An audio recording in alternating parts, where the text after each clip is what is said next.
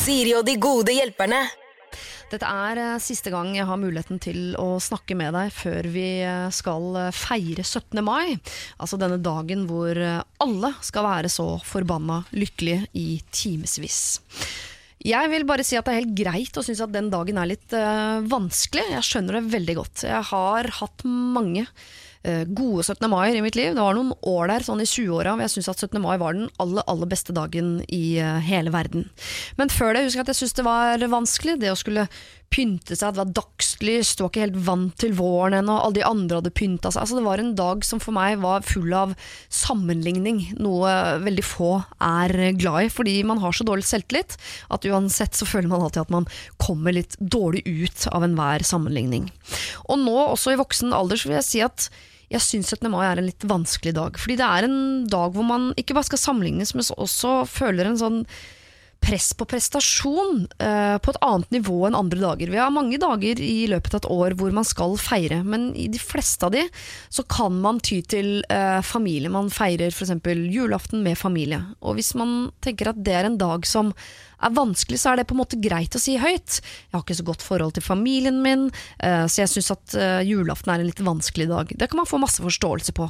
Men på 17. mai som i større grad for veldig mange er en vennedag, og kanskje en familiedag, men som er mer på den familien du har skapt selv, ikke den familien som har skapt deg, så er det en annen prestasjon som sitter litt lenger inn, og som er vanskeligere å si høyt at man ikke føler at man får til.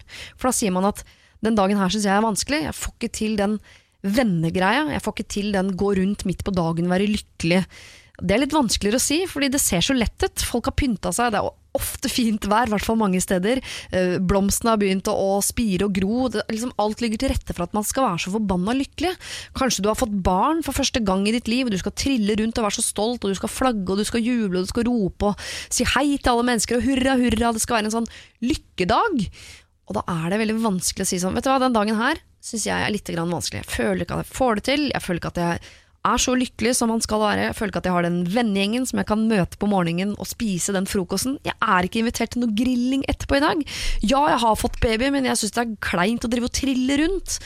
Altså, jeg tror den dagen her Det er masse forventninger om hvor utrolig vellykket og glad man skal være, men jeg tror at mange der ute syns at det er en vanskelig dag. Og da skal du vite at jeg eh, later som jeg er lykkelig, sånn fra åtte om morgenen og til sånn fire på ettermiddagen, men så fra fem og utover så pleier jeg å gråte, gråte, gråte gråte hele 17. mai, og det har jeg gjort i mange år.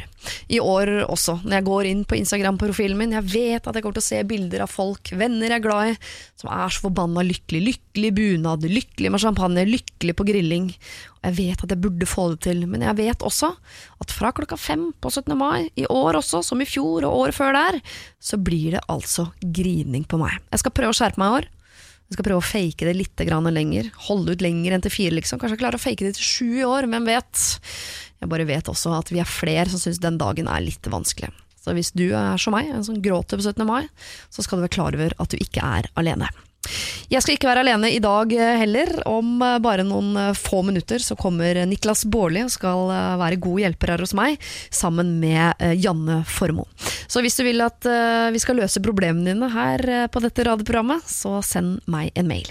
Min adresse er siri alfakrøllradio1.no. Siri og de gode hjelperne. Søndager fra to på Radio 1. Du hører på Siri og de gode hjelperne, som nå har funnet hver sin stol og sitter foran meg. Eh, Blide som soler, begge to. I hvert fall eh, du, Janne Formoe. Du ser veldig veldig blid ut. Jeg er veldig, veldig blid. Ja. Sola skinner, og livet er deilig. ja. Og Niklas Baarli, du er også Ja. en Jeg er jo sjelden semi-blid. blid. Ja. Du ser ok fornøyd ut. Ja, Ja. jeg føler meg ok fornøyd. Jeg er ikke, jeg er ikke i toppform, jeg er ikke i toppform. Det var ikke den beste dagen jeg har møtt deg på. Du kom litt sånn lav i energien. Ja, jeg hadde altså akkurat blitt frastjålet en bysykkel. Her kommer jeg, jeg, har- jeg er halt, jeg har handikap, Ja. og så går, løper jeg alt jeg kan mot en bysykkel som jeg låser på mobilen. Og så viser det seg at en annen fyr har tatt den før jeg kommer fram.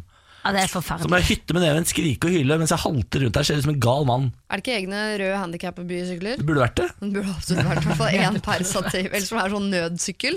Det er viktigere enn de andre syklene. Ja. Åh, eh, dere to er litt sånn nyforelska hverandre på en eller annen måte. På Ja. en eller annen måte så er vi absolutt det, for vi leder jo Gaygallaen sammen. Ja. Og da fikk jeg altså en ny bestevenninne. Det er meg, da. Det liker du godt Hei, å være. Og etter det har dere nærmest data litt, liksom? Ja, vi har data litt. Ja, Sånn vennedating? ja, Janne, ja, vi har vært på fylla et par ganger og kosa oss noe voldsomt. Ja. Og det, vil jeg- det påstå at vi er jævla gode på fylla. Ja, det er vi. Ja, En av de bedre. Altså Vi legger alle mulige planer på fylla. Forrige gang jeg var på fylla, hadde jeg 13 nye oppføringer i kalenderen.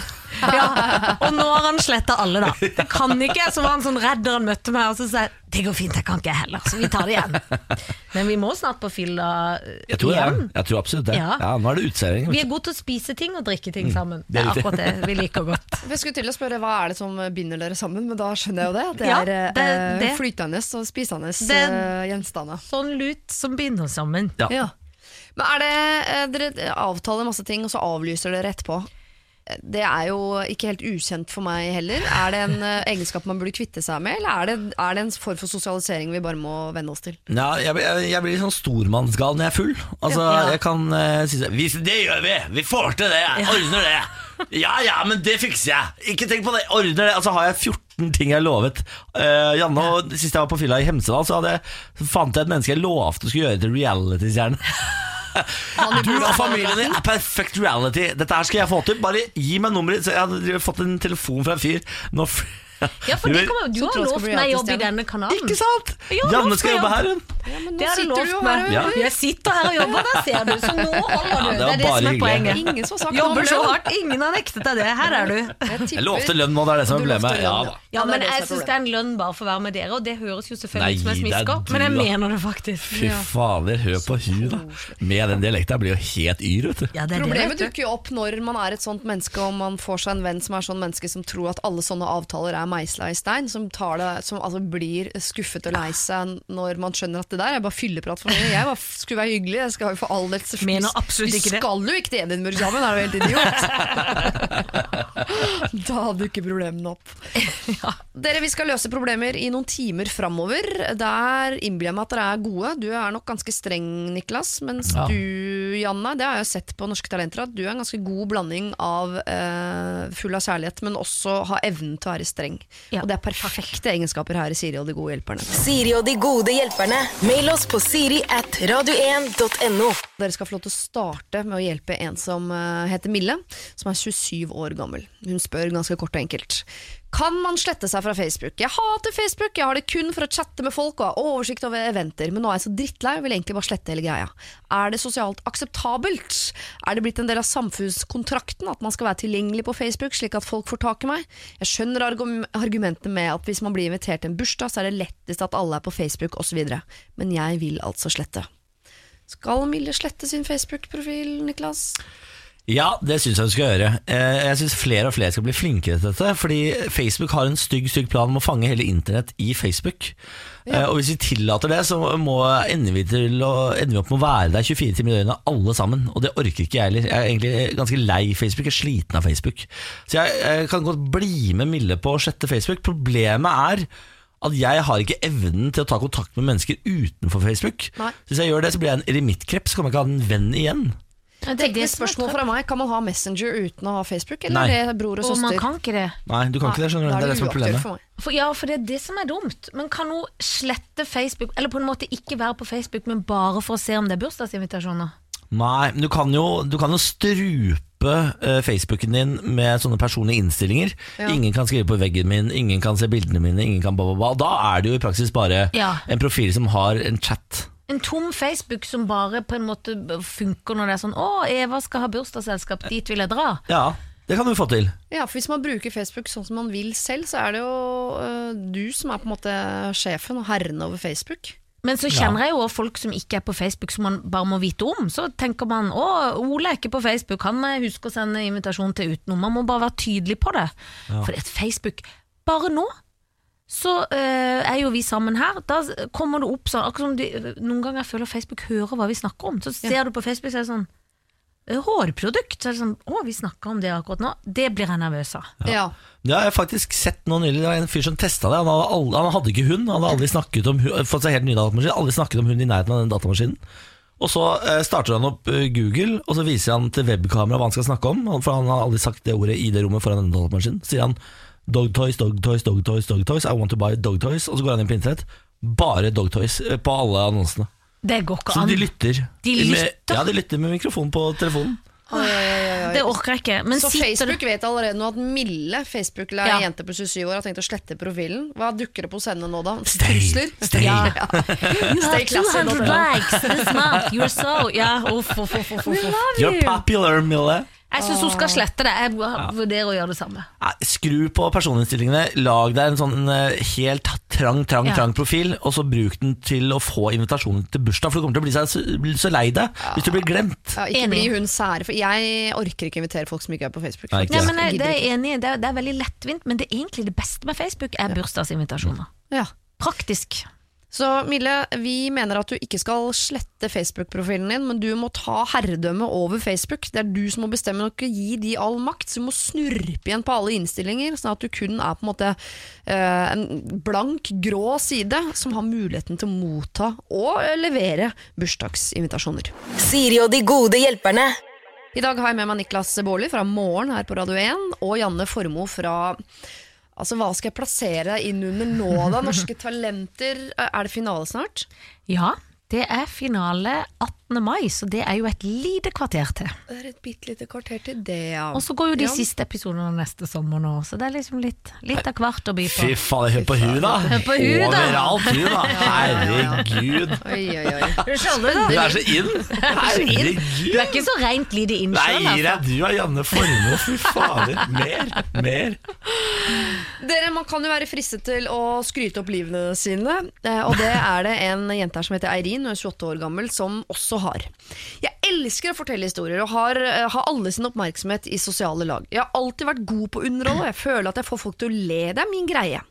Nå har jeg akkurat fått meg kjæreste, og etter at vi har vært ute og spist med noen venner en kveld, konfronterer han meg med at en av historiene jeg har fortalt under middagen, ikke er sann. Jeg ble først veldig overraska og svarte nei, selvfølgelig ikke, jeg må jo få ljuge litt for å gjøre historien ekstra morsom.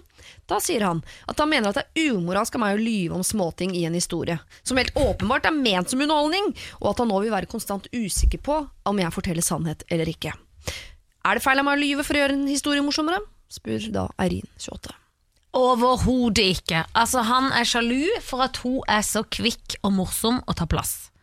Tror du det? Ja, det tenker jeg. Fordi at hun, Hvis hun lyver sånn småtting, hvis historien er sånn voldsomt, at hun redda en katt ned og firte seg ned og rappellerte ned fra Oslo Plaza, så blir det jo litt voldsomt mye. Ja. Men hvis det er sånn pynte litt og piske opp en historie, det gjør jeg støtt og stadig. Hvis ikke han tåler det, så får han eh, gå en runde i seg sjøl. Jeg kan ikke tro at han er hypp på at alle rundt han skal fortelle vanlige historier. Altså, Hva er vel kjedeligere enn vanlige historier som ikke har fått litt krydder på seg? Altså Såkalt tannkremhistorier, som vi kaller det. Sånn, eh, vet du hva som skjedde meg i dag? Tannkremen var tom. Ja. Ja, men sånn. kult altså sånn det. var det tirsdag Vent da, vent da, nå tuller jeg. Jeg tror det var onsdag. Altså, tre år før den historien kommer i gang. Istedenfor at hun spriter det opp. Ja. Han er sjalu, føler seg trua. Ja. Men hvor går grensen, da? For det er jo idet man eh, forteller en historie hvor utgangspunktet ikke engang er sann. Jeg har noen ganger husker jeg kom fram på, eh, til en fest en gang hvor jeg hørte meg selv fortelle at jeg hadde gått av bussen og kastet opp, og så hadde jeg gått på bussen igjen, og så kom jeg fram. Det var jo ikke pynte på en historie, for jeg gikk jo ikke av bussen engang. Da har man jo pyntet litt vel, men man har skrytet på seg. Du løy? Altså, du, eh, Ja, du, ja, ja, du bare fant opp? Ja. Det er jo Ja. en balanse, men Og jeg var jo på bussen, men jeg gikk Ja. aldri av for å spy. Nei, du måtte ikke spy. Nei. Absolutt ikke. Jeg var Nei, ikke kvalm. og- jeg har en, eh, jeg har en eh, si. falsk onkel i familien som har bodd eh, Han har vært hjelpearbeider i Afrika, og han er altså verdensmester til å fortelle historier. Jeg elsker å bruke lørdagskveld med han, Ja. fordi eh, jeg aner ikke om noe av det han sier er sant. Men jeg synes tenker bare at han er en falsk onkel, for nå lurte jeg på om det var en latonkel som du dro fram i festen. Ja, det trodde jeg også. Ja, han en nei, Nei, nei, nei, han er egentlig ikke. Han, han føles som en onkel, men er ikke det. Han er en familievenn. Men han er altså verdens beste å være på fest med fordi han har uendelig med gode historier. Og jeg vet jo at halvparten av de bare er svada. Man Men, må skryte på litt Ja, ja. for å sprite opp. Altså, det, hun, er jo en, hun burde jo melde seg på både Norske Talenter og søke teater og høyskoler og alt. Ja. Det jeg lurer på da, er om han mannen er for mannemann. Kanskje han mangler en touch uh, det homofile i seg, så han blir så trua av en sånn veldig mann, liksom. Så han blir så trua at hun tar plass, at han må, må dempe deg litt. Sånne menn kan vi ikke ha. Jeg trodde du og jeg, Janne, var enige om at ikke menn kunne bli nok menn. Liksom. Nei, de kan være nok menn, men når de ikke har en touch av det lille homofile inni seg, Ja. hvis de er for redd for det er sånn å, er du såpass mye kvinnfolk? Ja, det skal ikke jeg ha. Det, det er jeg redd for. Jeg er ikke redd, da, men jeg liker det ikke, for jeg vil være alfahann. det er jeg som skal være der ute og hause her hvis det begynner å brenne. Ja, da, Det kan vi ikke ha. Janne Formoe kan ikke være sammen med en fyr som ikke kan bære veske, Kan jeg informere om. Det har hun snakket mye om. Janne Formoe må ha en kjæreste som kan bære veske. Og jeg vil ikke, Det er en balansegang, for de skal ikke bære veska i timevis, for da blir de dotter. Ja, ikke sant? Men nå er det jo ikke dette problemet vi Det er jo helt om. for vi umulig å må forholde seg til. Ja, det er helt Eirin, Eirin spør nemlig også om hvordan hun kan få han til å uh, skjønne at hun ikke ville ha jugd om viktige ting, men kun Ja. de tingene som får folk til å le. Så hvordan skal hun gjøre han trygg i sin mannemannhet på at ja da, jeg spriter opp historier, men jeg kommer ikke til å ljuge for deg, min kjære. Ja. For, for dette er kjæresten, ikke sant? Ja. Ja. Ja, Ny kjæreste. Enn så lenge. fått seg kjæreste. Ja, enn så lenge. Du, hun, eh, men jeg, men hun, eh, fordi man spriter opp historien og, gjør seg sjøl litt spennende og morsom, og eh, at folk på festen har det bedre rundt deg, så, da er du jo gæren i hvis du blir usikker av det. Jeg hadde jo elsket, eller jeg elsker jo at Benjamin gjør det samme. Han også drar jo på. Synes Men er du ikke redd for at han da drar på når han forteller deg historier hvor du er ute etter å vite sannheten? Ja, da, eh, Hvordan skal du klare å skille, liksom? hvilke situasjoner skulle det vært, liksom? Hvor jeg blir sånn Herregud, drar han på noe Sovna voldsomt? på sofaen hjemme hos en annen fyr, da. Ja, da Forteller han, jeg- tenker du sånn Sofa, da mener du vel seng, da? Du bare pynta litt på historien, eller? Oh, ja, sånn ja. Han trekker fra. Sånn sett. Ja. Trekker fra og plusserer på. Nei, men jeg tenker at siden det er i startfasen, så skjønner jeg jo at han kan bli litt usikker, men de må jo bare bli bedre kjent, og så må hun vise da at i forhold til hverdagslivet så lyver hun og jeg til å stole på. Hun må vise den tilliten. Ja. Og så må hun si 'men jeg pleier å sprite opp historier'. For den er jo sånn og sånn, men nå spriter jeg på litt. Kanskje hun kan ha en sånn at hun kan si det litt før hun forteller historien. Jeg slår på litt for kjempe, men sånn var historien. Ja, Så alle hører det? Eller Ja, de kanskje. et hemmelig tegn? Litt sånn, De kan ha Når jeg tegn. meg på nesa Ja, før en historie, det da går an. Ja. Ja, det kan jo paret bli enige om, men hvis ikke så kan hun jo si det òg. Slå på litt for kjente, eller syns du det er dumt? Jeg sier at du må slå opp, jeg. Det der kommer ikke til å funke. Dere er for, dere er for forskjellige. Ja, men eh, ja, du mener det så hardt? Det mener Ja. ikke jeg, altså. Jo, men hvis, du, hvis du skal ha et tegn med kjæresten din når du er på fest Fordi du skal dra på litt på Da er det åpenbart ikke made for each other. Da må du bare finne Men på kanskje hun kan gi det en sjanse og forklare han hvordan det er, da, at hun egentlig bare spritter opp for å gjøre seg litt kvikkere, men at hun selvfølgelig er en ærlig og ordentlig person og aldri kommer til å sove hos noen andre. Men hun må i hvert fall ikke nå late som om hun skal slutte å sprite opp historier for å please han. For da kommer han ikke til å slutte å, da, Den latteren du er vant til å ha, den kommer du til å savne så mye at da blir det slutt. Mm. Men Eirin, prøv det nå i en periode. Se om dere kan avtale litt, om du kan si fra på forhånd, eller i hvert fall være tydelig på de gangene du ikke ljuger, at du er veldig ærlig og åpen med han. Og vær veldig sånn tydelig på at dette er bare for å gjøre en historie bedre. Og hvis han nekter å være med på det premisset nå og i all tid framover, så er jeg enig i at da skal vi ikke eh, si ifra at vi slår på litt for gode kjente. Da må vi slå opp, altså. Da er det For da blir han en god historie. Det er gøy. Ja. Åh, det er fin, ja. Og da sender oss den eh, breakup-historien inn hit. eh, Siri radio1.no. Siri og de gode hjelperne. Mail oss på siri at radio1.no. Dere, vi skal til en ung, ung jente. Hun er bare 16 år eh, gammel. Eh, Og har et problem litt i andre enden av eh, skalaen. Hun er på ingen måte forelsket. Hun skriver Jeg er en jente på 16 år, jeg spiller i korps. Jeg mistenker sterkt eh, at en russisk loneboy på fløyte crusher på meg big time. La oss kalle han Igor. Det begynte for et år siden, da var vi på sommerleir sammen, og han satt alltid helt alene, så jeg som den utadvendte og omsorgsfulle personen jeg er, gikk bort til han og startet en samtale. Den blei veldig klein. Og etter den gangen så går Igor nå alltid bort til meg på ulike korpsarrangementer. Og så kan jeg fortelle lang her. Jeg har vært på en del arrangementer. Han kan finne på å dukke opp, bare stå bak henne og se på henne lenge og vente på at hun skal snu seg og snakke med han. Han er ikke så lett å snakke med, han vil bare være rundt henne hele tiden, og hun syns hele fyren er litt creepy. Så etter at de var på sommerleir i fjor, så ble hun kontaktet av en felles bekjent som lurte på om hun i det hele tatt husket han. Og Det syntes hun var eh, merkelig, for de hadde aldri snakket om denne Igor. Men da, denne da hun spurte han om hvorfor han spør, så sa han Igor husker nemlig deg veldig, veldig godt. Og Nå skal de på sommerleir igjen, og eh, Silje på 16 spør. Jeg ønsker råd om hva jeg skal gjøre og si for at han skal slutte å like meg, uten at han blir for ekstremt såret. Jeg lurer også på om det er jeg som overreagerer, om jeg bare må leve med å ha en russisk stalker resten av livet. Resten av livet er lenge ass når du er 16, det må jeg bare si. Men lenge. hvordan blir man kvitt en, en som liker deg uten å, å såre vedkommende for mye? Å, det er så vanskelig. Ja, Her der gjetter jeg på at Janne har mer erfaring enn meg.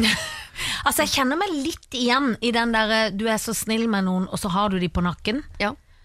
Hvis det er lov å si uten å virke for liksom, innbilsk. Jeg skjønner godt at hun syns det er vanskelig, og så får hun vondt av den, og så vil hun egentlig ikke eh, liksom ha den på nakken heller. Ja, For man vet Men- at det mest effektive å gjøre det er å glefse og ikke være snill og søt. Men Ja, man ja, vil ja. jo det. Og så får hun dårlig samvittighet. Ja. Men kan hun alliere seg med noen andre venninner i korpset?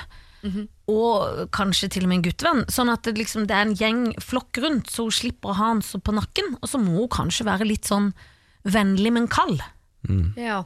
på en måte. Ja. For å avvise han sånn at han skal ta hintet. Ja, så her går du for ghosting og ikke klassiske eh, brudd. På en Ja, måte, for det er vanskelig å slå opp med noen Som ikke er sammen med, liksom. Ja, det er noe med det. Um, Jeg blir mer med fan av ghosting, Ja. det høres feil ut, men det er ofte det beste for Ja, alle det er parter. det er litt- ålreit, altså. Men Ja. kan du ikke bruke denne felles bekjente da, på en eller annen eh, vis? For det, denne felles bekjente skal sikkert også på korpsleir i sommer. Ja. Kan hun ikke avtale med han at de to skal plutselig fremstå veldig interessert i hverandre?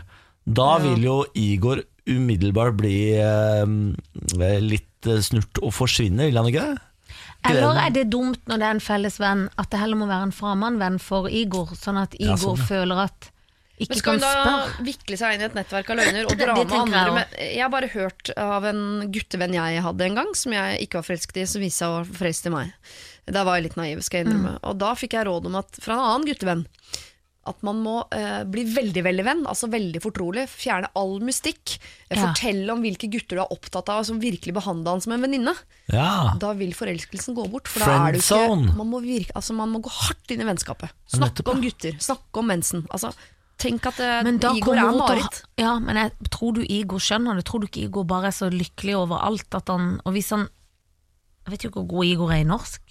Så hvis hun begynner å prate om det, kanskje han kan skjønne et kløyva ord. Å herregud, jeg hadde klumper i mensen i går, så jeg spiller på fløyta di. Altså, Ja, og så legg til sånn, og det var synd, for jeg hadde jo så lyst til å eh, kline med han der eh, Hva heter Ja, han kompisen din igjen? Han deilige. Han ser er- helt annerledes ut enn Ja. deg, vet du. Kan hun late som hun er veldig forelska i noen? Nei, men hun må, hun må Jeg tror på Ghostens eh, gode venn her. Ja, men Da tror jeg ikke Ja. Igor forsvinner, for han er åpenbart en fyr som um, dukker opp bak henne med fløyta og det og stirrer henne i ryggen. Han Det virker som han er helt rå på social skills. Nei. Nei. han tror jeg ikke kommer til å Jeg tror ikke han kommer til å forstå ghosting. Altså, han skjønner det ikke. Han bare tror sånn Herregud, det så lenge hun har vært borte. Jeg må finne henne. Og det Han tar ikke, han bare går enda Ja. nærmere med den fløyta. Igor bare Der er Mangar! Alle fram med fløyta skal vi gå! Mangar og lete etter Silje. Nei, men jeg tror at uh, Silje må um, Et eller annet midt mellom ghosting og Ja. brudd, på en måte. lat, altså, si sånn I'm happy to be a friend. Ja. Eller hun kan si "Have you norsk?" met, Ja, det tror jeg. Have you met some nice girls? Ja. Ja. Og Igo bare Ja, jeg skjønner det, du kan bare snakke norsk I'm not interested. Jo, men da er vi på midten. Det er en slags form for det er en, uh, Man er hyggelig. Hun ghoster. Eh, eh, men hun er vennaktig. Hun ljuger ikke på seg at hun er forelsket, men hun spør han ut ja, masse Ja, jenter. det er kjempelurt, ja. For da legger hun jo alt på han. I'm happy to be your friend. How are you? Yeah, but I don't want friend. Igor, But have I you do. seen this beautiful lady? She's called Yeah, uh, she's very Kristen? interested in you. Oh my yeah. god. Kanskje hun kan slenge over en annen. Ja. Look at Kristin, she's so interested in you. She's very shy. Smell over Ikke på kornettsida. Det er. Bukkene Bruse! Det er Bukkene Bruse, ikke spis meg, spis neste. Ja. Ha mye mye Se finere. på hun på, Ja. på klarinett. Gå på hun. Ja. Silje, har du muligheten til å smelle Igor over på hu på klarinett, så syns vi det er en god uh, løsning her. Å flytte et problem. Og så kan du spørre han ut om ting, eh, hvilke jenter han liker, og bare være sånn hardt, litt for mye venn. Mm. Fjerne all mystikk, være liksom hans venn, samtidig som det er lov med litt ghosting. Altså. Allier deg Ja. med noen venner og liksom eh, få han litt på avstand. Men tar han ikke det eh, hintet i det hele tatt, er han helt ute med sine knekte sosiale antenner, eh, så må du gå litt hardere til verks. Men jeg syns det er fint at du tenker at du fortsatt skal være hyggelig. Siri og de gode hjelperne. Søndager fra to på Radio 1. Her hos meg Siri og de gode hjelperne så sitter eh, Janne Formoe med sin gode venn Niklas Baarli. Hei. Som etter hvert Hei. også er min gode venn. Altså. Herregud, Ja. er vi ikke en slags vennegjeng? Jo, akkurat nå, er vi ikke En svær, deilig gjeng. vi er. Rådgivergjengen. Ja. Hvis dere vil ha meg bort, så foretrekker jeg ghosting. Ja, vi sånn vil sånn vi ikke ha deg bort. Nei, men på et eller annet tidspunkt kanskje. Da er det ghosting som gjelder hos Ja. meg. Ikke så glad i uh, Har du harde møtt. Samantha Skogran fra Morgenplanet? Hun er kjempehyggelig, Siri. Og glad i fløyte. Gå ut og se, ja. Ok, dere, vi skal eh, ta et eh, problem som eh, Vi er jo eh, alle eh, lykkelige eiere av hund. Ja. Eh, vi er vel ikke alle lykkelige eiere av svigerforeldre, eh, men har vel vært Janne, og kommer forhåpentligvis til jeg å bli igjen. kaller uh, førstesvigerforeldrene for svigerforeldre ennå. Ja. De, så jeg blir aldri de- Jeg slukker opp med de, for å si det sånn. Er det Jan Fredrik Karlsen sine foreldre? Ja. For de er jo besteforeldre til mine barn, og Ja. verdens beste både besteforeldre og svigerforeldre, så det, det ble de. Og du har vært svigerforeldre sånn ti ganger nå, har du ikke det? Ja, de har vært svigerforeldre tolv ganger. Det er de som er grunnen til at du har gått tilbake hver gang, for du savner Frank og Berit eh, Karlsen. Ja. Liksom. Men jeg- Og så har jeg hatt noen andre søte innom, da, som ikke kanskje er godt svigerforeldre, men jeg beslutter ikke å være glad i de. Nei, så bra. så er. Her er det vel kanskje ikke for mye kjærlighet som er eh, problemet. Nei. For Tutta skriver Hei Siri og de gode hjelperne. Jeg har et problem som jeg ønsker hjelp med. Vi bor på en sjarmerende gård med svigers som nærmeste nabo. Svigermor kjøpte seg for noen år siden en valp for at vår hund skulle få seg en venn. Hun valgte en hannbikkje. Avtalen var at den skulle kastreres, eh, fordi eh, eh, vår hund eh, er også en hannbikkje. Nå har denne valpen blitt tre år og er fremdeles ikke kastrert. Problemet er at svigers ikke er så gode hundeeiere, og nå med to hannbikkjer som begge skal være sjef, så syns jeg at det er veldig vanskelig at hunden til svigers ikke er kastrert. Skulle gjerne kastrert vår egen hund, men han er så gammel at det er ikke noe vits. Svigermor har fått spørsmål hver uke i mange år nå i forhold til eh, denne avtalen om kastrering. I starten var det unnskyldninger om dårlig økonomi, løgner om planlagte avtaler med dyrlegen, som da ikke har blitt noe av, osv. Nå virker det som om svigermor syns synd på hunden sin, og derfor ikke vil kastrere den. Og hun mener at dyrlegen har sagt at det ikke vil hjelpe heller. Jeg tenker at det er verdt et forsøk jeg å kastrere den bikkja, og at det er en del av avtalen. Dette oppleves som et problem, fordi eh, de er ikke så gode hundeeiere, og hunden er av typen hvor ett bitt og armen er borte. Og nå venter vi på flere små barn som etter hvert skal løpe rundt på tunet her. Jeg ønsker gjerne hjelp, gode råd, eller eventuelt hvis du vil ta deg en tur ut her og kastrere hunden selv, Siri, så er det også en løsning, selvfølgelig. Jeg har selvfølgelig vurdert å eh, kastrere hunden uten at svigermor vet noe, men det handler om at svigermor må ta eh, voksne bestemorvalg. Nå er det sånn at barna ikke får lov til å være inne hos svigers eller leke med hundene, men jeg har så lite lyst til å gå inn i en sånn sommer. Hjelp, hilsen Tuta. Å, Tutta, det var ikke lett. Nei, Men jeg, for jeg hadde lyst til at hun bare skulle gjøre det liksom egentlig utenom Altså, Hun svigermora høres jo litt rar ut. Ja, det, det er rart å love å kastrere bikkja di og så drite i det etter gjentatte oppfordringer. Ja. Jeg trodde faktisk ikke det var lov å kastrere bikkjer uten videre lenger. Det er veldig mange dyreleger som ikke gjør det fordi jeg tror det er noe reservasjonsrettaktig Ja. der også. fordi man eh, fjerner såpass mye av personligheten til bikkja at veldig mange veterinærer og sånn, eh, føler på det og ikke vil gjøre det. Og for, og for personligheten går ut i testiklene, holdt jeg på å si. det Så er det med du mange menn fjerner også, jo- faktisk.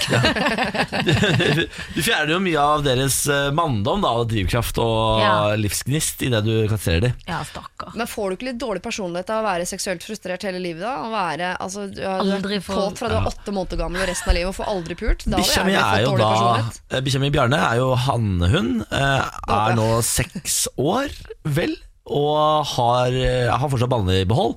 Men han er jo Jeg lurer på om han ikke skjønner noe av det. For han eh, er veldig lite interessert i, i tisper, altså.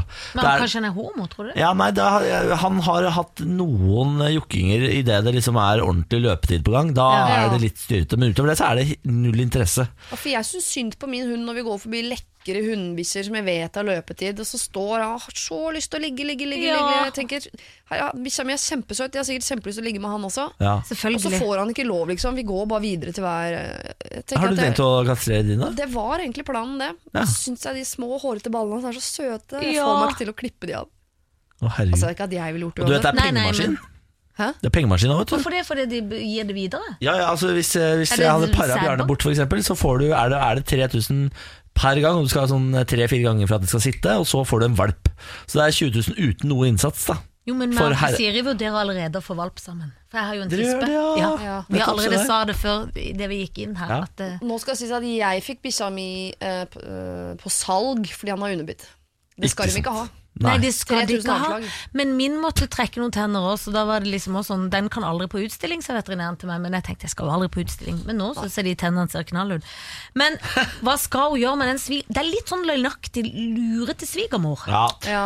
Jeg ble blitt lurt opp i stry her. Jeg hadde jo vært forbanna på svigermora hadde jeg Og- vært uh, den uh, Og familiemora her. forbanna på at ikke hun svigermora kan oppdra den hunden. For det er jo første bud. Det er jo ikke Ja. bare det er jo Nå skal vi ikke hate hu- hundeeiere som ikke har så god kustis på bikkjene sine. Nei. Men hvis han er litt sånn mannevond at Ja, det er ikke bra. At du, Bikkja er mannevond. De forventer flere barn som skal løpe rundt på tunet her. Nå, Nei. altså, du skal ikke være redd for at ungene dine blir bitt når de går ut for å leke med Det går pinner ikke. på Nei, det går ikke. Liksom. Det går ikke. Men er det ikke ehm, er det ikke litt seint også, når han er tre år, for det første for kastrering? Det trodde jeg man helst skulle gjøre da før de fikk uh, opplevde sin første uh, kåteperiode, som jeg ikke vet oh, ja. hva heter hos hannebikkjer. Sier du det? Eh, og så tror jeg det er seint å oppdra de òg. Jeg tror liksom det han ikke har lært nå, det lærer han seg ikke. Ja, det, Nei, da må du i hvert fall gjøre en hard innsats. ja, for det det, det, tror jeg ikke stemmer, faktisk. At du ikke kan oppdra gamle bikkjer. Altså, du kan ikke lære en gammel bikkje ny triks. Det, det uttrykket tror jeg er feil. Um, og så tror jeg faktisk at du kan kastrere de, og at det har masse effekt allikevel. Å, ja. eh, På sine bikkjene. Jeg tror de da har innbilt eh, kåtskap også uten ballene, for da har har de fått inn De har fått inn følelsen, så du får ikke fjerna følelsen og tankene Men om de- ligging, men du får fjerna det eh, altså, Driven, liksom. Ja. Men kanskje ikke de endrer så personlighet, da, fordi de er blitt så gamle at de har den personligheten, så det går ikke ut i testiklene? På en måte. Ja, men er ikke hele poenget at de skal endre personligheten hans? da? Jo, Altså, det var det jo egentlig. hans- Men han var jo så redd for det. Egentlig burde de, hun må bare gå og få kutta de av, før de ungene, den nye babyen kommer. Ja. Vi skal tenke litt grann mer Ja, vi eh, det, på vi det. må Vi eh, spiller litt musikk. Dette er Without You med Avicii og Sandro Cavazza. Og så skal vi ta og tenke litt på om vi skal fjerne eh, ballene på bikkja, Ja. eller om det er andre veier vi kan gå. Siri og de gode hjelperne. Mail oss på siri at radio1.no. Vi snakker om kastrering, vi, og heldigvis så er det da kastrering av bikkjer det gjelder i, dette, i denne omgang. Eh, Både Janne Formoe har hund, du har da en tispe. Mm. Eller liten en. Ja, Liten, artig, hårete sak. liten, artig, hårete sak. En blanding av puddel og malteser, altså en Ja. maltipu.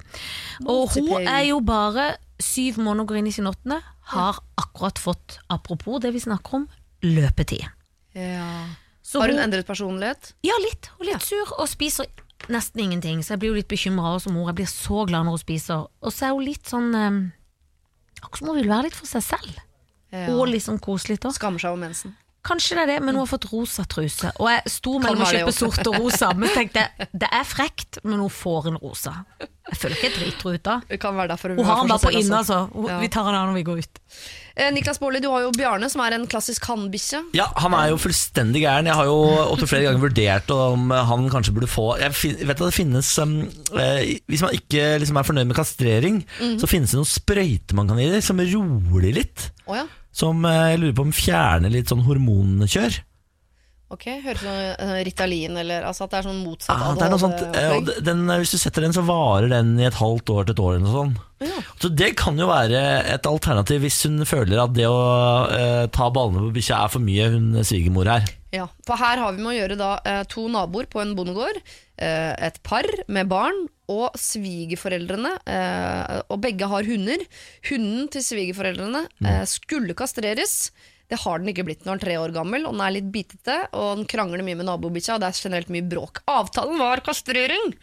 Og nå lurer Tutta på hvordan de skal løse dette her. De ble lest på internett her nå Ja. om dette, her, fordi jeg, det var, jeg husker at det er en del veterinærer som ikke har lyst til å gjøre det. Og da er det en side som skriver Husk at hensikten med kastrering skal være å gjøre hundens liv bedre, ikke eierens. Kastrering er heller ingen mirakelkur på atferdsproblemer. Dersom man ønsker å få et inntrykk av hvordan hunden vil bli før man opererer, kan man prøve kjemisk kastrering. Ja. Ikke sant? Her har vi jo et, eh, en mulighet for uh, hun her. Hvis det er sånn at svigermor absolutt ikke vil kastrere bikkja fordi hun har fått noen følelser for uh, bikkja. Mhm. kanskje kjemisk kastrering er måten å gå, da.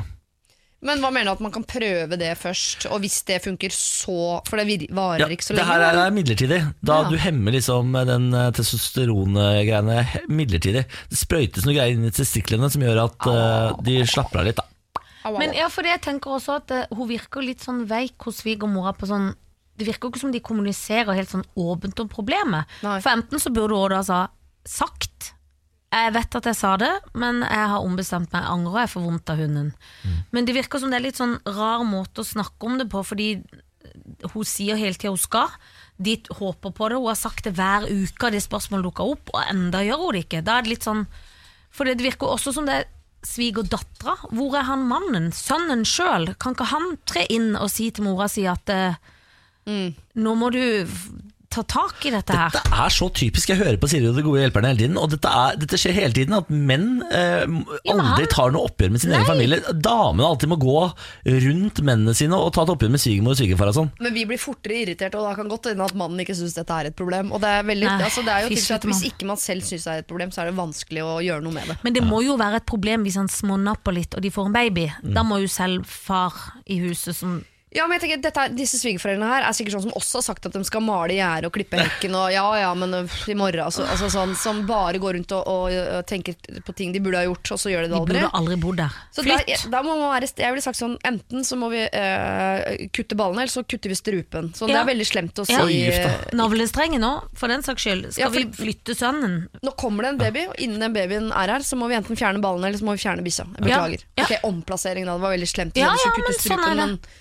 Kan jeg foreslå at du tar og bestiller en time til kjemisk kastrering? Mhm. eh, og så drar du opp til svigermor så sier du Du, nå har jeg bestilt en time til Ja. bikkja di.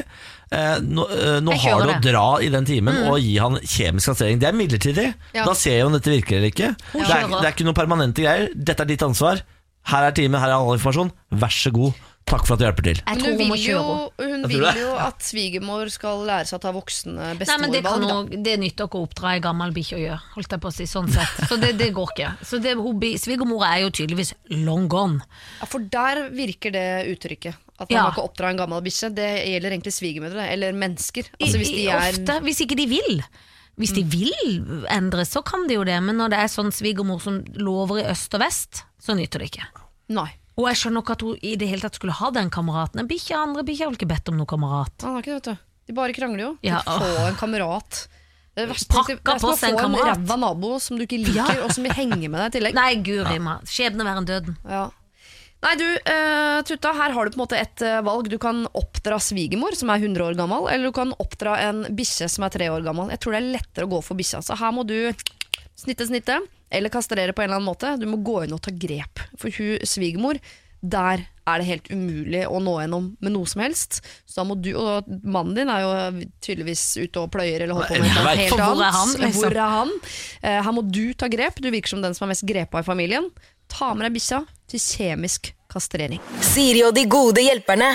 Vi skal inn i et uh, av og på-forhold. Jeg vet ikke om du kjenner til det. Er det noen som ler? Dette er, Kjenner noen som lo? Dette er kun, kun ligging. Dette er oh, ja. et eh, klassisk Nei, eh, ikke puleforhold. Kjære uh, Siri og de gode hjelperne. Jeg er en blid dame fra Sørlandet som nå bor i Oslo. Eh, her eh, er- Hun vil bli kalt for Juni. Jeg har eh, akkurat avsluttet et av- og på-liggeforhold med en fyr som har pågått i lang tid. Altså flere år. Grunnen til at det blir slutt nå, er fordi jeg bobler over av følelser for han, og han vil ikke såre meg noe mer. Han er også min beste venn. Når det nå ble slutt, så sier han følgende. Jeg har store problemer med å forholde meg til følelser, og når det blir snakk om følelser, så går kroppen og hodet i lås, og jeg trekker meg helt vekk. I neste sekund sier han jeg er så glad i deg, jeg er så tiltrukket av deg, jeg skulle ønske jeg klarte å fikse meg sjøl, for den mannen som får deg, han er heldig. Nå har han foreslått at vi bare skal være venner. Eh, vi har aldri møtt hverandre de siste årene uten å ligge sammen. Så hvordan skal vi klare det? Han foreslår at han skal eh, ta seg en runk før vi treffes. Eh, jeg vet ikke, jeg er superduper sjalu som menneske, og hvordan skal jeg legge bort den siden? Så eh, det jeg egentlig lurer på her, er det noe hensikt for oss å prøve å være venner i det hele tatt, eller skal jeg bare drite i hele fyren? Jeg trenger stor hjelp. Jeg er 25, han er 30. Åh, Ja. Klarer man det? Ja, nei, ja, det tror jeg man klarer. Jeg, jeg tror ikke noe på at man, alle, at man er så inn i helvete sjalu hele tiden. Hvis man bare møtes og sier 'dette her skal vi få til', så får man ofte til det. Men jeg tror han lurer henne. Ja. Jeg tror ikke han er bare hypp på å være venn. Jeg tror ikke han er hypp på å ta seg en runk i forkant. Jeg Nei. tror han sier Han vil vi, vi, ligge. Ja, vi er bare venner. Vi skal ikke ligge sammen, vi. Og når de møtes, han kommer til å kjøre på som om altså, det aldri var noen morgendag. Han kommer til å jobbe for det ligget eh, som en gal. Så alt det han har sagt nå, han bare eh, sagt for å stagge sin egen dårlige samvittighet fordi Ja. han vet at hun har følelser, men i, i praksis så vil han fortsette bare å ligge uten Ja, å, ja. å For den derre 'Å, du er så fin, du er så smart, du er den som får deg' Det er jo, altså, det er jo Ja, det er tekstbook. så Jeg har lyst til å ligge med deg hele tiden. Ja, ja. eh, ja. Men så er det så kjedelig å høre på sånn Jeg skulle ønske jeg var så, jeg er så stengt, jeg kan ikke gå for hjelp, for faen. Unnskyld meg, altså. Ja, men det er så kjedelig. Det er sånn unnskyldning. Nei, du er ikke keen. He's not that into. Han vil bare ligge med deg, liksom. Det er akkurat det. Det er sårende og kjipt. Jeg tror at hun bør ta en vennepause, da. Jeg mener at Hun bør Hun kan godt være venn med han i framtida, men hun bør ta en pause, fordi at det er vanskelig å skille. Hun vil òg kunne lure seg sjøl og si vi skal bare være venner, nå skal vi ikke ligge. Og så kommer hun til å falle for fristelsen, for da kommer de til å gå i noe vin. Så Ja. det ene fører til det andre. Å bli venner på sikt er noe vits, fordi dette her høres ut som en venn som den dagen du får deg en kjæreste som uh, klarer å ha følelser, uh, så tror jeg ikke det kommer til å være så populært at du har en venn du aldri har møtt uten å knulle han. Nei. Skjønner du? Altså, Nei. jeg tror øh, Hvis min deilige lokfører har sånn Jeg har en venninne. Vi er bare venner, altså. Vi ligger sammen hver gang vi ses. Ikke nå, da, for nå er jeg jo kjæreste, men vi har alltid gjort det fram til nå. Ja. Er sånn, Hun venninnen ryker. Ja, det Asap. ryker. Ja. Asap. Ja, for du utsetter jo egentlig bare å dumpe han som venn eh, fram til du får deg en kjæreste. Og da vil jo, men det jeg digger med det, er jo at da har du jo også en du kan falle tilbake på å ligge med når du eh, Men det kan hun vel uansett, fordi at hvis, han, hvis hun møter han, og han virkelig bare gjør motsatt, da, ikke ligger med og holder igjen for at hun skal bli galere, kanskje det er lokkemiddelet hans, så vil hun jo også lure på, hvis hun er litt sjalu, hva har du gjort siden sist? For nå trenger du plutselig ikke å ligge med meg, hvem ligger du med isteden? Hun vil bli Ah. gal. Og det er ikke bare sjalusien som er problemet. Også. Problemet er at hun er kjempeforelska, Ja. så når hun er sammen så vil jo hun ligge med han. Ja. Selvfølgelig. Nei, Nei, dette er, eh, ja. Dessverre så må du kutte av, som det berømmelige ordtaket som min mor sier, hvis du skal kutte halen på en katt, ikke ta bit for bit, ta hele halen i en smell. Ja. Ikke sant? Det, det sier mener- mamma Formoe, og det er altså så smart. Det har Janne ikke hørt. Det Det har ikke jeg i mange år. Så derfor sier jeg det til meg sjøl om og om igjen. Du må bare kutte hele halen. Ja. Men det er ingen som har uh, Bare kontrollsjekke det. Ingen har noe særlig trua på at uh, disse to, som aldri har møtt hverandre uten å ligge sammen de siste årene, har en uh, framtid som helt vanlige venner. Nei, nei, nei. Nei, enten så må hun da forsvinne så mye at han får kjent etter at han virkelig savner henne og kanskje vil bli sammen med henne. Ja.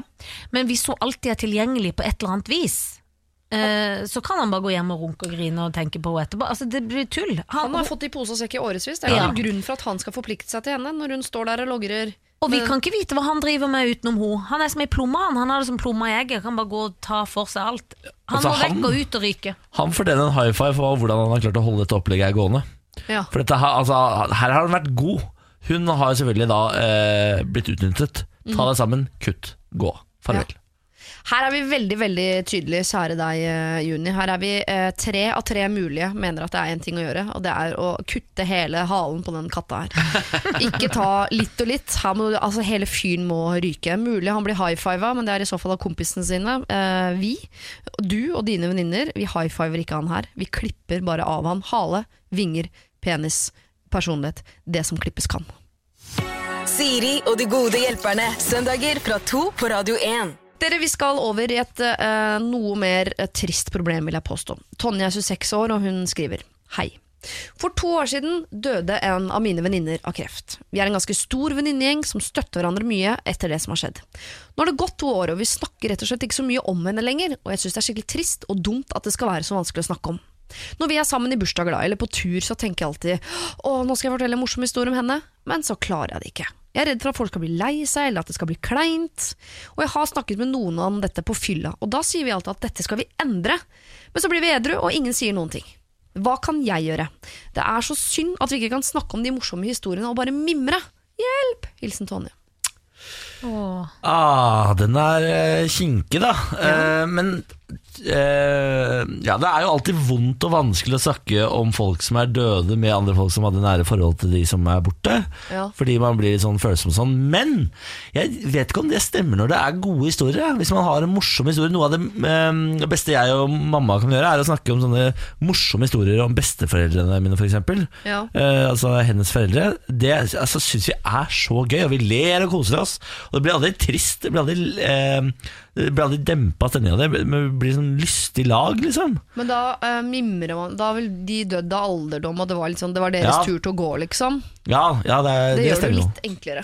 Men også er det vel ikke så farlig hvis de kjenner på et vemod og en sorg, for det kommer jo ikke til å vare hele kvelden. De kjenner jo på det kun egentlig i historien. Både sånn vemod og latter og kan huske sånn 'Å, så gøy hun var når hun gjorde det', eller 'det var koselig', eller hva det var. Ja. I historien.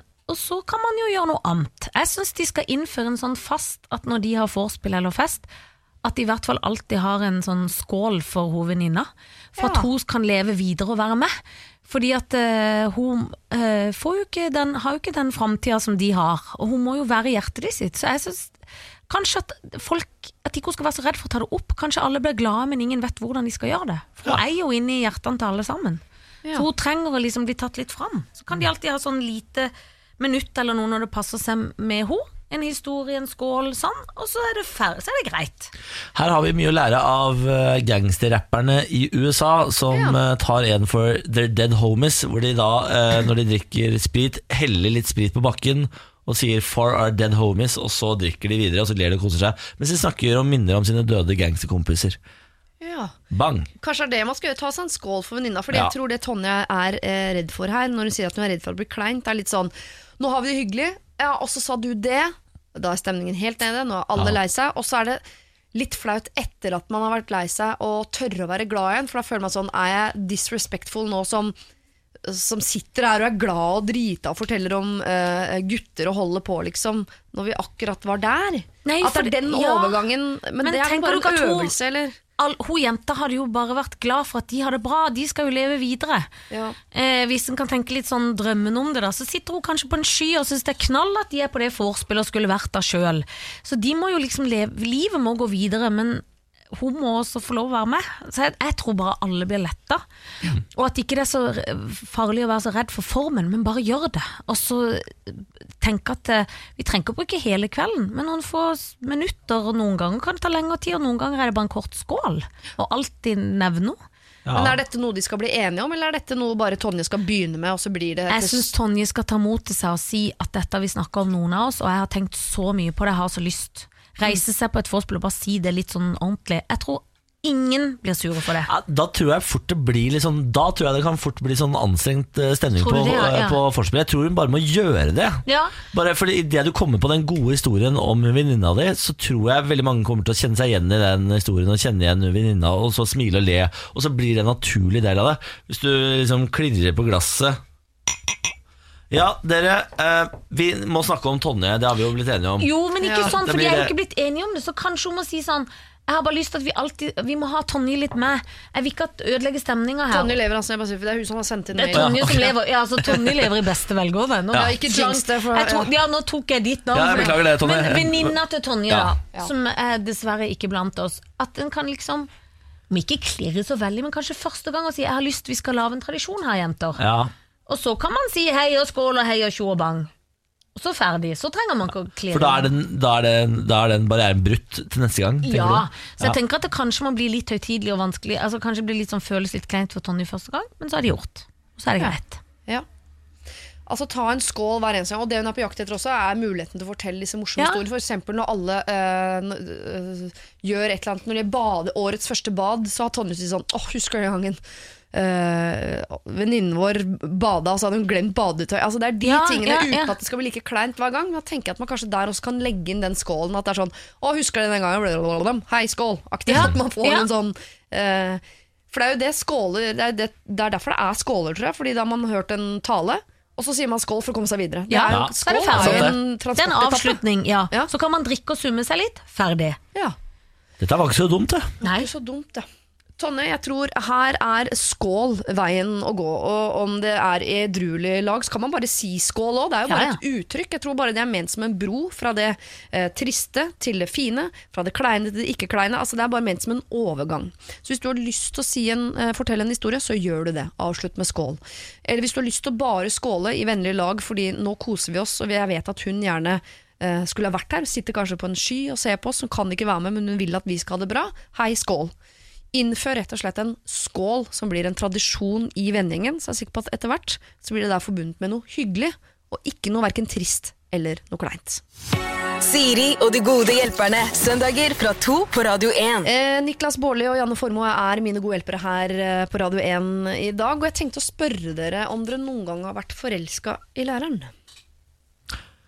Nei. Nei, det har jeg vel aldri vært. Nei. Men jeg tror jeg har hatt en lærer som har vært forelska i meg. Nei, er det sant? Oi.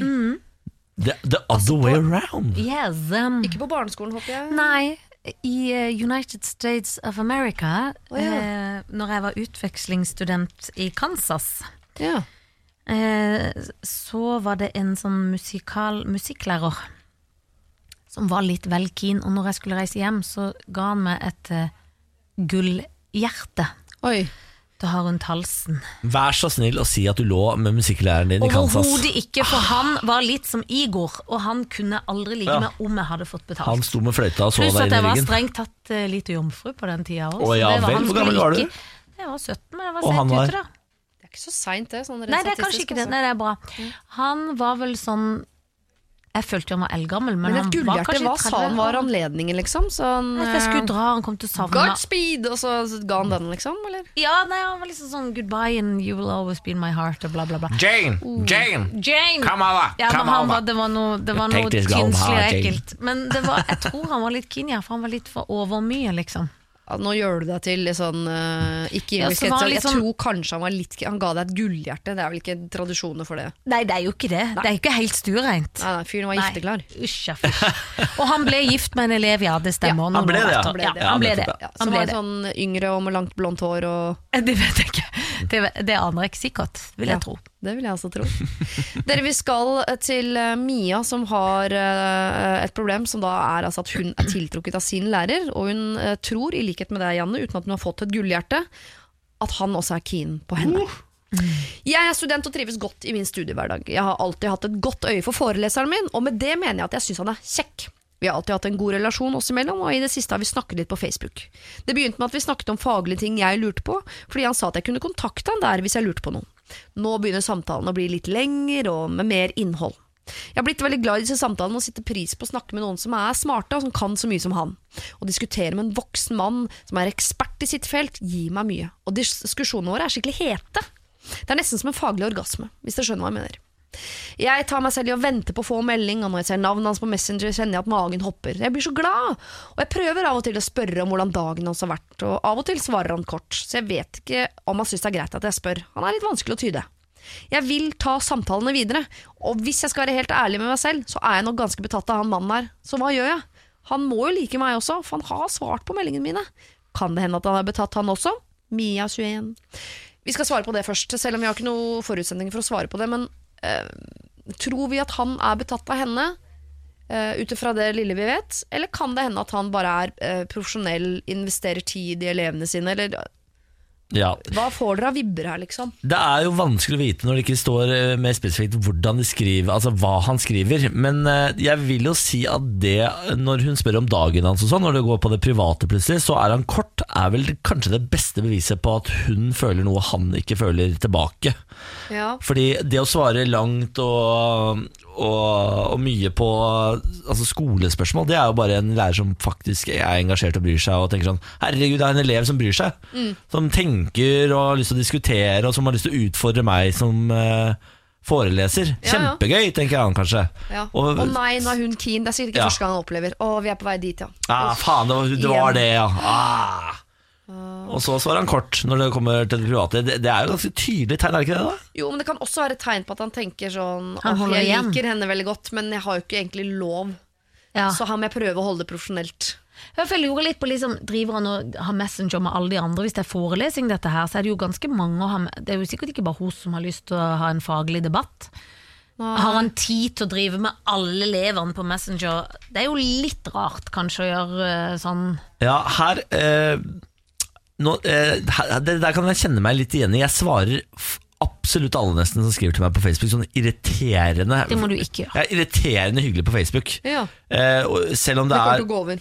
Eh, ja, men det er Ja. sånn Det kan være mm, øh, Si unge, usikre homofile gutter på 17 da, som er hypp Jeg svarer de langt og tydelig, bla, bla, bla, bla. Snakker og snakker og snakker. Selv om jeg vet at dette kan jo aldri, jeg kommer jo aldri til å spille videre på det. Dette er bare Og hvorfor gidder jeg å tenke og tenker det mens jeg svarer? Å, jeg er så dum. Bla, bla, bla, bla. Svarer, svarer, svarer. svarer, svarer. Eh, men så er man jo eh, fornuftig nok til å aldri la det gå videre derfra. Ikke sant? Jeg tror han er lik. Fordi han, eh, Hvis han hadde vært gira altså, så, jeg, så enkle tror jeg menn er. At Hvis han hadde vært gira, så hadde han ikke klart å styre seg når det kom til private spørsmål. Da hadde han, da, da hadde han sett snittet sitt og gønna på. Tror du det? Ja, Dette er jo den lille veien videre fra faglige diskusjoner. Altså fra den faglige orgasmen over til den kroppslige orgasmen. Ja, det er ikke det. sant? Det, er, her- det er på en måte hans inngangsport når hun spør hvordan har din dag vært. Jo, ikke så verst. Du da? Jeg hadde trengt en øl. Boom. Øl Yes. drikkes. Ting skjer. Ja, jeg tror at eh, hun må skille mellom faglig og kroppslig orgasme også. Hun må skjønne at det er ikke nødvendigvis at hun er så forelska, men at hun beundrer hans kunnskap. Betyr ikke at hun vil uh, at han skal opp i hattefòret på henne. Er det lov å si? Hattefòret, er det, Altså, tegn, er det vagina? Liksom? Rett og slett. Ja. Ratata er rumpa, bare så du vet det. Ja, det vet jeg. Ratata er rumpa, og eh, Det er gøy hvis det går rett på analsex, da. Oh, ja. Rett opp i hattefòret. Men er på en måte foran og bak og alle veier. Oh, ja. Så det Ja. sier ikke historien Jeg kan ikke jenta mi, jeg er professor, men analt, det har jeg ikke noe regler. Turne Han vil jo ikke turne De kan ikke turne. Hun må skjønne at hun liker han eh, kanskje bare faglig, ikke seksuelt. Kanskje det er innbilt. Ja. Ok, Det er helt umulig for oss å vite hvordan forelsket Mia er. Det er Ja, det er vanskelig for oss å vanskelig vite om han er forelsket deg, Mia. Men uansett, det du vil, er jo å ta dette ett steg videre. Du, er nødt, du vil finne ut av det. Du vil eh, kanskje møte han. Du vil ha en plattform i tillegg til denne faglige plattformen. Og hvordan skal du få til det? Det skal vi ta en runde på rett etter at vi har hørt eh, All Falls Down. Siri og de gode hjelperne. Søndager fra to på Radio 1. Vi er midt i et problem, eh, Janne Formoe og Niklas Baarli. Det er eh, Mia som tror hun er forelsket i sin foreleser. Hun tror kanskje at han liker henne også, for de har lange faglige diskusjoner på Messenger. Men altså, nå ønsker Mia å ta samtalen videre. Altså, Hun ønsker å få denne faglige diskusjonen de har, over i noe mer privat. Hun ønsker at den faglige orgasmen kanskje en dag blir en kroppslig orgasme. Eh, hvordan gjør man det, da? Hvordan går man fram? Har dere noen erfaringer eller tips dere vil dele? Her er det bare å kjøre deg på. Hvis du, hvis du har bestemt deg for dette her, som jeg bare vil si er en dårlig idé, først og fremst. Men Ja. siden du har bestemt deg for det, skal jeg hjelpe deg med det. Idet du og han professoren snakker på Facebook, og samtalen er god og lang, og dere snakker faglig, så sier du Du, dette har jeg lyst til å diskutere mer over en øl. Hva med det, ja, Mr. Professor Man? For da har du, eh, da har du det profesjonelle, men allikevel ølen. Det er det letteste han kan si ja til. Du sier sånn Hvordan eh, Å, det blir så mye å skrive. Kan vi ikke bare Ja. Kan man ta kaffe? Jeg, mer- jeg merker at Ja. kaffe er mer nøytralt Ja, enn øl. Da er det fort at han tror at dette er profesjonelt fortsatt. Du må gjøre det ganske Må tydelig ikke at sjarmere han litt, eller liksom lure han opp i kaffestry? det er mann. Altså, dette er en mann. Ja, Men hvis han, det hun risikerer da, hvis hun spør om den øla, er at hun blir Da får hun svaret, da. Da blir hun jo grundig avvist, kanskje. Det vet vi jo ikke. Er det så farlig? nei, Nei. da må hun bare være forberedt på at det kan skje, så ikke hun tror sånn Jeg gjorde det som uh, Siri og de to gode hjelperne De to ræva hjelperne To hennes. ræverne hjelperne sa. Og så ender hun i full grining. For hva Da må hun tenke. Skal hun gå på forelesning dagen etter da og har blitt avvist? Hvor, hun kan jo ikke slutte på studiet fordi hun blir skamfull, f.eks. Hun må jo tenke på alle scenarioer her. Ja, fordi Å få avvisning på en kaffe er bedre enn å få avvisning på øl. Fordi Ja. avvisning på øl, Da har du bedt noen på date, og han sier nei. Og foreslår sånn, skal vi ta det over en kaffe? Så er det sånn, nei det passer seg ikke. Nei, ok, men da bare fortsetter vi på Messenger Ja, og ses i morgen. Helt altså, det er enig. lettere å komme kan- seg ut av. Ja. Vet du, jeg er enig med deg, Niklas. Det var et ræva råd Ja, men, med den øla. men hva, eh, da er det jo ikke Da er det jo ikke noe tydelig med han. Ja, men han skjønner jo, så kan jo han si eh, så drukket så mye kaffe da, skulle ikke ta deg øl av Ja. jenta mi. Altså, da, litt Men da er det jo plutselig, ja, men da er det jo plutselig han som eh, går over grensa, ikke henne. Ja, men det de er jo over grensa når de sitter på kafé og drikker kaffe, men da må du må jo Ja, men er det over grensa det? For du kan jo ta en kaffe med professoren din, men kan ikke ta en øl med professoren din. Jo, men det er vel lettere der å kjenne på det Man kan fort liksom innbille seg en kjemi på internett. Det tror jeg folk har gjort Ja. før. Ja, Eh, og man kan føle på en kjemi i klasserommet og tenke sånn Han ser på meg hele tiden. Ja, du er elev. Han ser på deg for du har hånda i været. Ditt nek altså, Ja, skjønner du? ja, ja, ja. Men man sitter og drikker kaffe sammen. Da merker man om det er en geni Ja. eller ikke. Og, Og da kan kaffe bli øl. Enig, og ofte har man jo rett. Hvis hun kjenner at han liker henne, så gjør han det som regel litt. Okay, så når- Uansett om han lever det ut eller ei. Så når de sitter og drikker kaffe, hun kjenner at det er kjemi, da skal hun si Du, det er godt med kaffe, men jeg er kanskje litt hypp på en øl. Ja. Skal vi Nei, gå til hun en trenger jo ikke å ha så dårlig tid, hun kan jo ta noen kaffe til, så plutselig blir det en øl. Jeg tror dere undervurderer eh, Jo, men da driftene til menn her. Det er sånn ikke noe vits i å vente. eh, har du, Ja, da- har du dårlig tid, blir du sittende litt, eller jeg har lyst på en øl. Ja. Rett inn i en annen, tenker jeg. Altså Hattefòr, eller hva faen jeg kalte det. Her er bare kjør rett på. Menn er enkle. Go for it. Men det er så flaut etterpå. Hvis han ikke vil eh, putte noe i hattefòret hennes, da, Ja. så skal du ha forelesning dagen etter. Det er dumt, det. Ja, ja men jeg, sånn, der eier ikke jeg skam. Det er Nei. alltid bare tuta og kjørt. Men og dette er en pleier alltid å jente bra. vi snakker om som skal forføre sin eh, Ja, men det er jo 30 år her professor. likestillingen må komme, komme Ja, det er ikke likestilling mellom lærer og elev. Nei. Nå, da blander du hva likestilling handler om. Ja, da har ikke du følt Alle med skal ligge like mye, like enkelt, uten like mye følelser. Det er ikke det det handler om. Han er jo uh, Han må ta hensyn. Han Ja. har vel på en måte egentlig lov. Hashtag metoo har vel han i friskt i minnet også. Ja. Ja. Ja. Han Det må har vi sikkert ikke familie og barn òg. Nei, fytti katta. Ja, det må jeg komme høre uke Ja. med, om hun vet det. Nei, Hvis han har familie, da må du skrive det i mailen. Da, Ja. altså. Da må han svare når hun spør om personlig. Jeg har litt mye å gjøre for ungene, og kona skal på øh, Holmenkollstafetten. Eller hva de driver med, som Ja. er gifte. De skal løpe Holmenkollstafetten. Det skal de jo Det er så ofte. for meg, det der. Hva er det de driver med? Holmenkollstafett, eh, de gifte folka der. Her blir vi nok ikke enige, Mia. Niklas mener at du skal gå rett for eh, å, få den i hattefòret, mens eh, Janne og jeg mener at her er det en kaffe som skal til. Du foreslår at denne faglige samtalen vi har, er eh, det blir for mye å skrive. Vi må ta en kaffe. Og så kan kaffe eventuelt bli øl. Men hvis han sier nei til en kaffe, så er det lettere å komme på forelesning dagen etter. Mm. Istedenfor å ha foreslått liksom, et besøk i hattefòret. Han sier nei til det. Da begynner det å bli vanskelig å gå på skolen. Kan jeg gi et tips til? Når du på det må vei ha høyere kvalitet Ja. enn de forrige. så Når du er på vei til en kaffen, sett på Carpe Diem rett i fòret og få litt selvtillit. Go! Artig at du skulle si uh, Carpe Diem, for sist jeg var på date, det er mange år siden, så uh, skrøt jeg på meg at jeg skulle nettopp på en Carpe Diem-konsert for å komme meg vekk derfra. så det er jo artig at de kan bli brukt til så mangt. Siri og de gode hjelperne. Eh, Vi har allerede tatt et uh, svigeraktig problem her i dag, og dere skal få et til, Janne Formoe og Niklas Baarli. Jeg beklager uh, det. Det er ikke fordi Altså, ikke ta det personlig, men dere får altså to problemer av typen svigers i dag. Ja ja, men det er ålreit, det. Det er topp, det. Ja, det er Pernille på 22 år som skriver. Hei, jeg har vært kjæresten min, sammen med kjæresten min i to år, og vi har det helt supert. Nå har vi akkurat flyttet sammen inn i hans leilighet. Jeg har ikke råd til å kjøpe meg inn, så jeg skal bare leie hos han. Problemet er at han har en stående avtale med moren sin fra før jeg kom inn i bildet. Avtalen er at hun kan komme og bo hos han en uke, ca. annenhver måned, mot at hun betaler en andel av lånet hans. Hun bor i en annen by, og derfor er det greit for henne å ha en plass å bo når hun først er på besøk.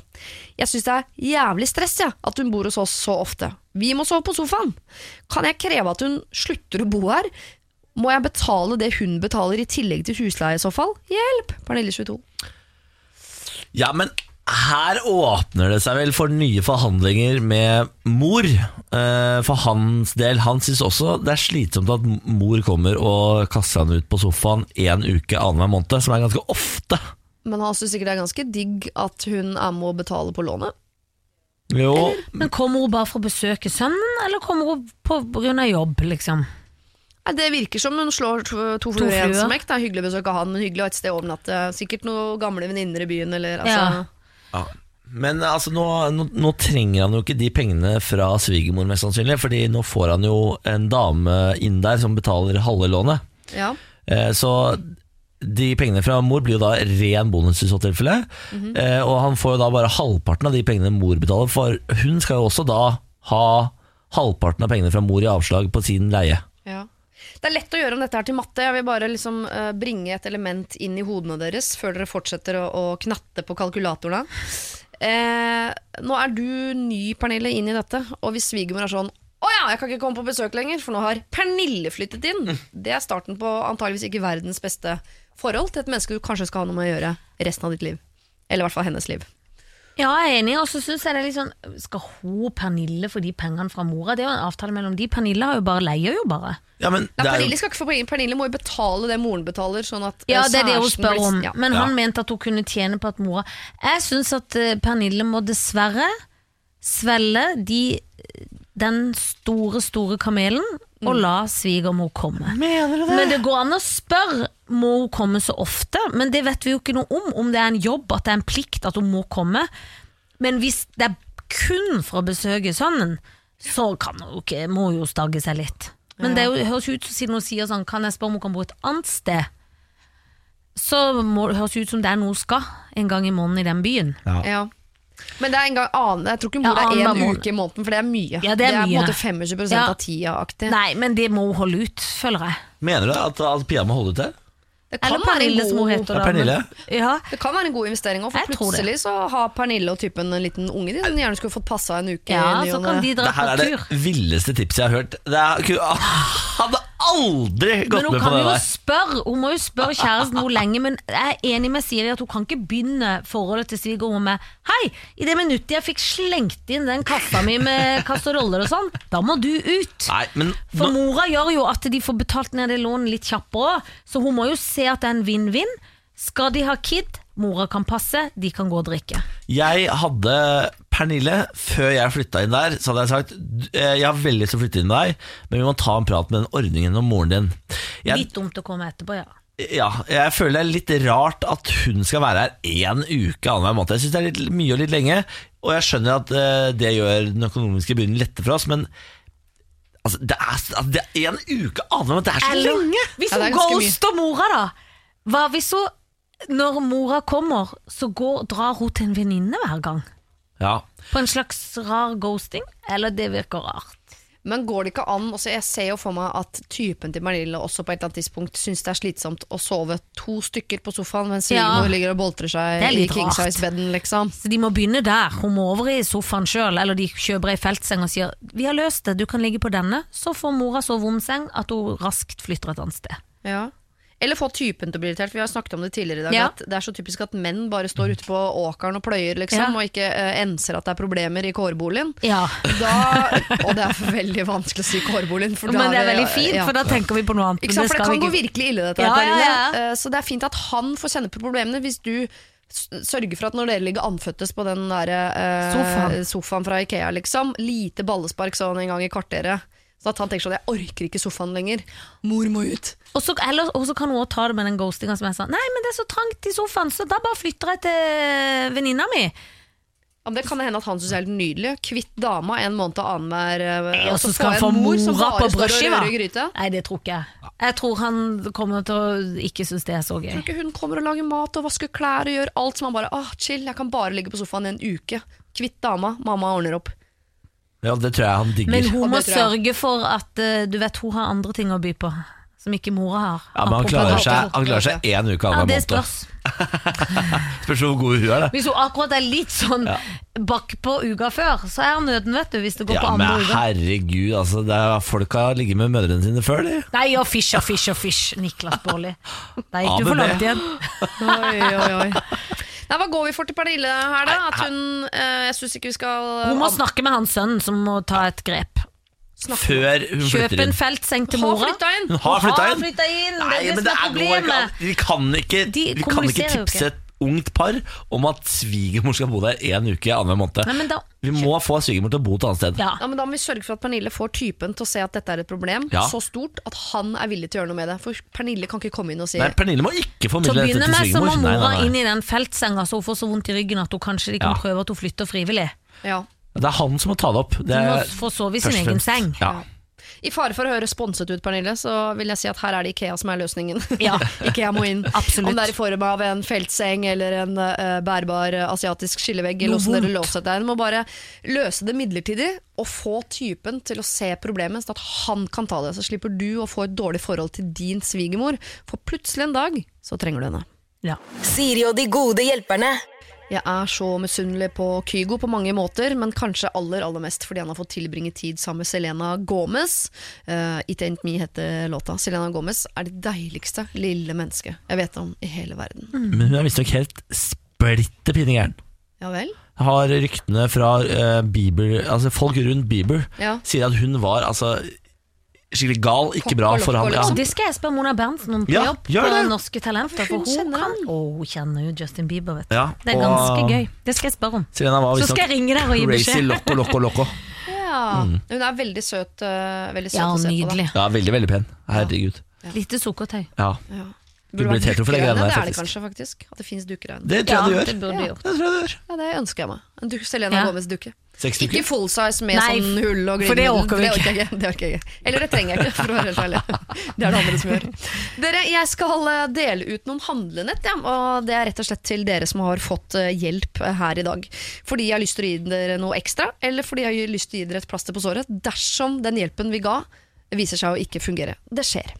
Milde, du skal få. eh, Du lurte på om du kan slette din Facebook-profil. Der sa vi vel eh, ikke slett, men du kan minimere den, sånn at du fortsatt har muligheten til å motta og levere bursdagsinvitasjoner. Det er viktig. Eirin, du eh, lurer på om det er ok å lyve litt. Du liker å pynte på historier, men din nye type syns at det er, altså det er tillitsbrudd. Han vet ikke om han kan stole på det. Herregud, dump han fyren. Fortsett å ljuge, gjør verden litt morsommere og mer rosa enn den er. Silje, 16 år, fått seg en russisk stalker på fløyte. Det høres ut som inngangen til en relativt morsom film, men for deg er dette et eh, mareritt. Eh, Du må bli så god venn at all mystikk forsvinner. Snakker man om jenter og hvem man er forelsket i og sånn, bare for at han skal forstå at du absolutt ikke er keen tilbake.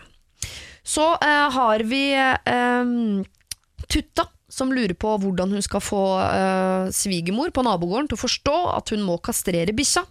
Eh, det har vi vel sagt at det er rimelig håpløst, det klarer du ikke, så du må kastrere bikkja. Vi har eh, Juni, som har en pulevenn. De har pula, pula, pula i mange år. Nå vil han bare være venn. Sorry, Juni, det kommer ikke til å gå. Der må du klippe snora. Dere kan eh, rett og slett ikke ha kontakt. Eh, eller så må dere bli sammen. Det er en av de to. Tonje, du får et handlenett eh, fordi du har sendt inn problem hvor du lurer på hvordan dere kan på en måte ivareta eh, venninnen deres, som dessverre gikk bort for to år siden. Det blir alltid kleint og stille hvis hun eh, blir brakt opp, derfor har dere slutta med det. Det er ditt ansvar. Bring inn en skål eller et eller annet, bare sørg for å ha, holde henne i hevd innad i venninnegjengen. Så har vi da eh, Mia som er forelska i læreren. Vi tar det ett steg eh, videre. Uh, ikke ta det rett på øl. Ikke fra Messenger til øl. Ta det via en kaffe. Hører du? Via en kaffe. Ikke hør på Niklas her. Ikke gå rett på fòret. Eh, hattefôret, Absolutt ikke. Så har vi Pernille, da, som har en svigermor som en uke hver annen måte bor hjemme hos de, og vil ha henne eh, vekk. Du skal få et eh, handlenett, fordi du må eh, klare den vanskelige oppgaven det er å få din kjæreste til å forstå problemet og gjøre noe med det selv. Eh, og så er det dere da, eh, som kan levere ut handlenett. Hvem vil begynne? Niklas? Jeg kan ta det. Jeg sender et handlenett til både min mor, eh, søster og far, samt min nærmeste venn Robert, med oppmerks fyller handlenettet med oppmerksomhet. Ja. Bare for å vise at eh, jeg er ikke en så avkobla fyr bare fordi jeg ikke gir oppmerksomhet i hverdagen. Nei. Så du sender handlenett med kjærlighet til dem, Ja. For at de skal vite at du er glad i dem selv om ikke du ringer. Ja. Ja.